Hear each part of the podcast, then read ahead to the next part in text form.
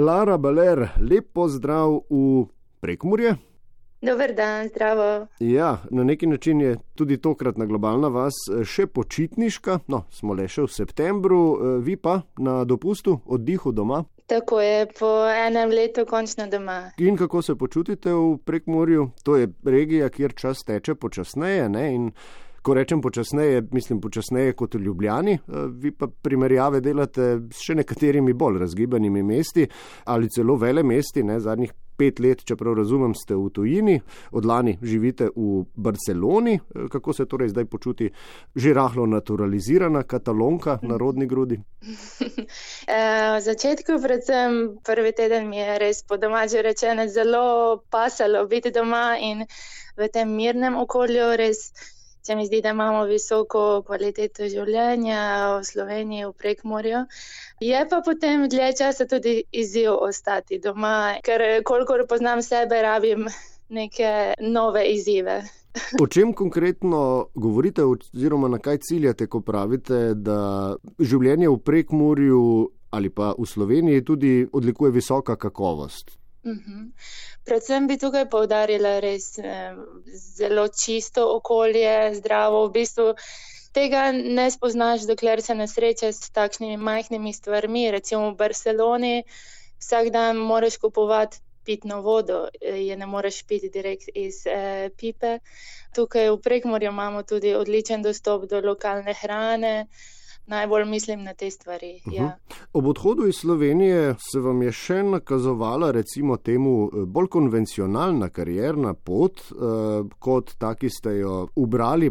Priložnosti projektov je bilo nekaj. Ne? V Ljubljani ste končali fakulteto, na to delali za enega večjih mednarodnih birojev, arhitekturnih, gradbenih. Uh, na čem konkretno?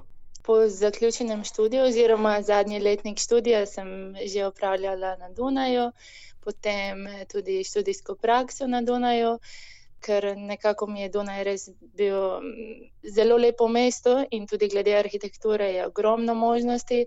In moram reči, da vse izkušnje, delovne izkušnje tam so bile super.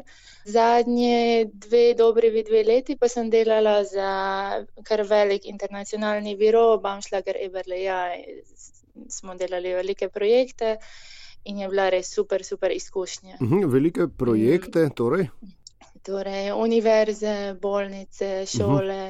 In tako naprej, predvsem javne stavbe. Ja. Aha, to je verjetno ena bolj eminentnih podmnožic eh, arhitekturne ali pa gradbene dejavnosti. Eh, a vas sanja o tem, da bodo ljudje ne, eh, čez sto let, tako kot zdaj recimo prepoznavamo plečnikove stavbe doma in ponekod v tujini, odprtih ust občudovali vaše delo, eh, niso nič premamile. Niste namreč ostali v, v omenjenem biroju. Ne? Ja, ne, res, jaz sem si želela po študiju delati v enem res tako velikem biroju, da spoznam to veliko merilo dela in uh, res moram reči, da je zelo pomemben teamwork v takšnem biroju, pač na enem takšnem projektu sigurno ne dela sam, tako da sama osebnost arhitekta je tukaj v ozadju Tako da sigurno bodo te projekti. Bom jih z veseljem pogledala. Ravno prejšnji teden sem bila v Gracu, ker so me bivši sodelavci povabili na otvoritev ene od teh zgradb. Tako da še zdaj imamo zelo dobre odnose in se vsakeč veselim. Dobro, torej, izdelek. Mostov niste nobenih požigali, razumem, ampak eh, zakaj pa ste se ne. preusmerili na druga delovna področja? Kdo ali tudi ja. kaj vas je k temu spodbudilo? Ja, jaz še vedno ostajam v arhitekturi in dejansko v tujini to ni nič nenavadnega. Pri nas še ni mogoče toliko razvito v tej smeri, ampak. Ta moja nova smer v Barceloni je bila glede novih materijalov v oblikovanju in arhitekturi, predvsem biomaterijali. In ta sfera je že zelo, zelo prisotna v drugih delih Evrope, predvsem na severu. Tudi v Barceloni, moram reči, sem bila zelo presenečena, zelo pozitivno, ker je res kot en inkubator novih idej, novega znanja, ogromno vlagajo v inovacije in neke poskuse.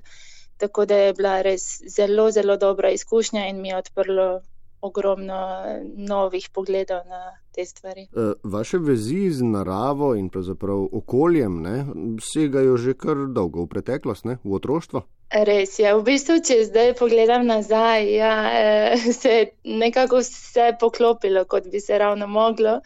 Tudi moj oče je bil arhitekt in je vse čas povdarjal eh, pomembnost eh, dobre orientacije, izbire dobrih materijalov, ampak tako nekako podzavestno, tega niti ne prepoznaš med tem, ko delaš.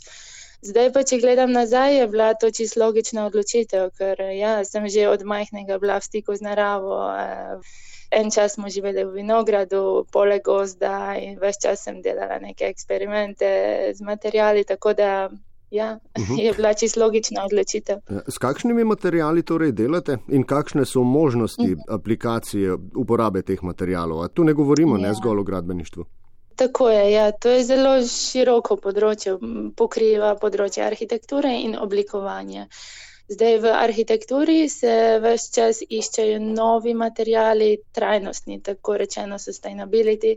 Čeprav te besede nočem prevečkrat uporabljati, ker se prevečkrat izrablja ta beseda, uh mhm. -huh. predvsem v zadnjih časih s tem greenwashingom, ampak eh, kot družba moramo sigurno gledati z te perspektive, da najdemo neke dobre alternative, da bo boljše za vse nas in za naše okolje.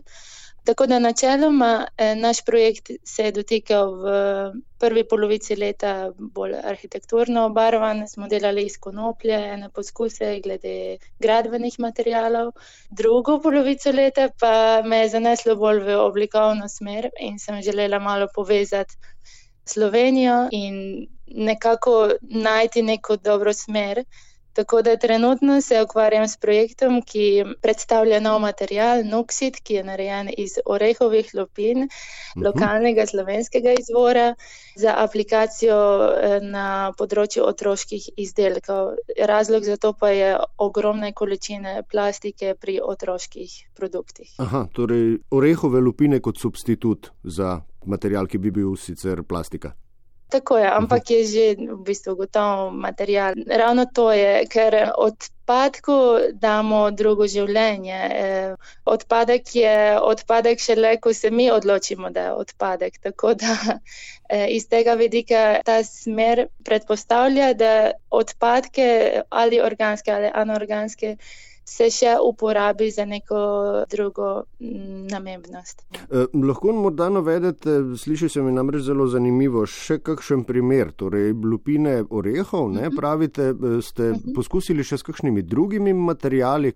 Ja, ja, sej ogromno že tega obstaja. Eh, Evropa je zelo močna na tem področju in tudi Južna Amerika, Argentina, biomaterijalih, zdaj za nekoga, ki res ni v tem, ampak Drugače v industriji v svetu se že uporabljajo. Recimo ena takšna znamka je prav katalonska znamka, eh, ki se ukvarja s tekstilom in dela tekstil iz odpadnih lupin ananasa. In je že normalno v produkciji in ta material zdaj uporabljajo že velika modna imena, ne vem, Stella McCartney in tako naprej. Tako da vedno več je v bistvu tudi potrebe in popraševanje po teh alternativnih naravnih materijalih iz strani eh, proizvajalcev. Kateri primeri uporabe pa so vas recimo navdušili v gradbeništvu, tudi teh ste si namreč mhm. nekaj ogledovali skozi -huh. vsa ta leta, ja, ne raziskovanja, študija in tako tudi dela no, eh, po Evropi recimo? Tudi v gradbeništvu obstaja že ogromno alternativ, seveda. Predvsem je prva reakcija uporabnikov, aha, koliko bo ta material stal, ker je v bistvu nov material, koliko bo zdržal. Tako da na vse te vprašanja treba odgovoriti in preveriti. Mene je predvsem navdušil en material, ki je prav tako izhaja iz Katalonije. V bistvu sem šla pogledati tudi produkcijo in smo še zdaj v navezi z lasnikom. Se imenuje Honext eh, in je izdelan iz odpadne celuloze, v bistvu je ogromno odpadnega materijala pri produkciji papirja in pri reciklaži, tako da iz tega delajo panele za notranje obloge popolnoma brez kakršnih koli lepil. In potem ravno to je uh, finta vsega, da potem ti izdelki grejo skozi neko kontrolo, da res ni nekih sintetičnih dodatkov, ker če ne, je brez smisla vse skupaj. Pogovarjamo se z Laro Baler, ki živi v Barceloni in dela na raziskavah biorazgradljivih materijalov, eh, gradbenih in nasploh, kot smo rekli, predtem je nekaj časa prebila na Dunaju, no pa tudi v Kataloniji, zdaj naj ne bi ostala prav dolgo, čeprav razumem, se nameravate v kratkem spet preseliti. Eh, kam, zakaj? Ja, res je. Tokrat me bo pot zanesla v Milano. V bistvu Milano mi ni prav eh, zelo nov, ker sem bila že tam na oblikovalskem tednu, sem predstavljala svoj izdelek. Načeloma pa imam partnerja že kar veliko let, ki je iz Italije, drugače iz Rima, ampak sva se odločila za malo bolj resno življenje zdaj v Milano, po vseh teh selitvah.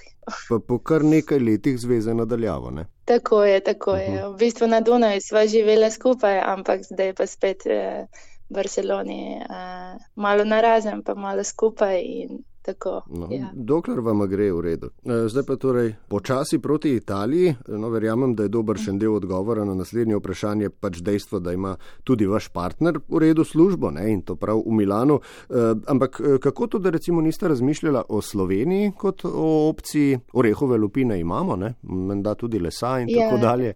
Seveda, se jaz se več čas gibljem v perimetru, ne preveč strani od Slovenije. Tako da um, moj cilj je še vedno ne živeti nekje res preveč daleč od doma, ker enostavno res imam rada Slovenijo, predvsem prek morja in našo naravo in ne bi mogla zdržati brez tega na dolgi rok. Zdaj sem bila v Barceloni eno leto, ki je fantastična in super, ampak so pa bili tudi momenti, ko sem rabila predvsem naš gost in zelenje. Uh mhm. -huh. Je pa v bistvu razlog, zakaj se stalno ne preseliva sem kot par, eh, ker moj partner ne bi zdržal, prihaja iz Rima in mu je enostavno premalo premala ta miselnost, predvsem uh, in v bistvu tudi jezik malo. Dobro, eh, miselnost pa ja. uh, v smislu.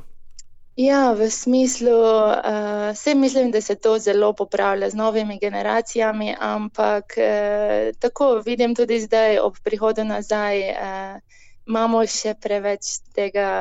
Uh, ne vem, da ne privoščimo drugemu nek uspeh, oziroma se neka komunikacija ni tako odprta, ne steče. To je nekaj, kar bi mogoče izpostavila, kar druge ne čutiš v velikih mestih, kjer se pretaka ogromno ljudi iz različnih koncev sveta je vsak svoj nepopisan list in v bistvu uh, si ti kot oseba zgradiš neko svojo sliko. Tukaj pa je pač vsi poznamo vse in je zato kakor je. Ne? Aha, kar nekaj tega je že definirano ob rojstvu ali pa v ranem življenju, tudi glede na geografsko točko, kjer si rojen in podobno, hočete reči. Ja, eh. čeprav moram eh, izpostaviti, da veliko mojih kolegov iz moje generacije, iz Prekmorja, jih ogromno živi v tujini in vedno, ko se vračamo, in se srečamo znova, je to čist nekaj drugega. Tako da mislim, da se to tudi eksponentno spremenja ravno s to odprtostjo miselnosti. Uh mhm. -huh. A vidite Slovenijo kot državo zamujenih ali pa neizkoriščenih priložnosti? Uh, bi rekla, da, ja, da je še ogromno nekih priložnosti in uh, ravno zaradi tega na nek način želim ostati v stiku s Slovenijo in vso to znanje, ki ga dejansko srkavam v tujini, tudi aplicirati v Sloveniji, ker se mi zdi smiselno in tudi fer eh, na nek način vrniti. Lara Baler, najlepša hvala, da ste si vzeli trenutek oziroma nekaj minut za pogovor z nami, eh, kljub temu, da ste na oddihu ne? ali pa prav zato. Srečno vrnitev v Barcelono in potem srečno tudi nadalje v Milano oziroma kjerkoli že boste. V redu, najlepša hvala, lepo zdrav.